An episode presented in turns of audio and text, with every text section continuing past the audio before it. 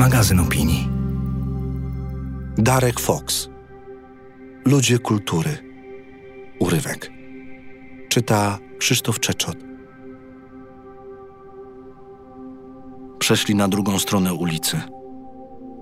Wyższy kupił gazetę wyborczą, po czym sprężystym krokiem ruszyli przez most, zajęci rozmową. Kilku Polaków zawołało za nimi Żydzi, Żydzi.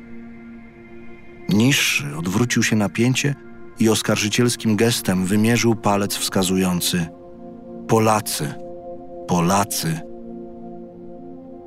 Polacy zamilkli i odeszli.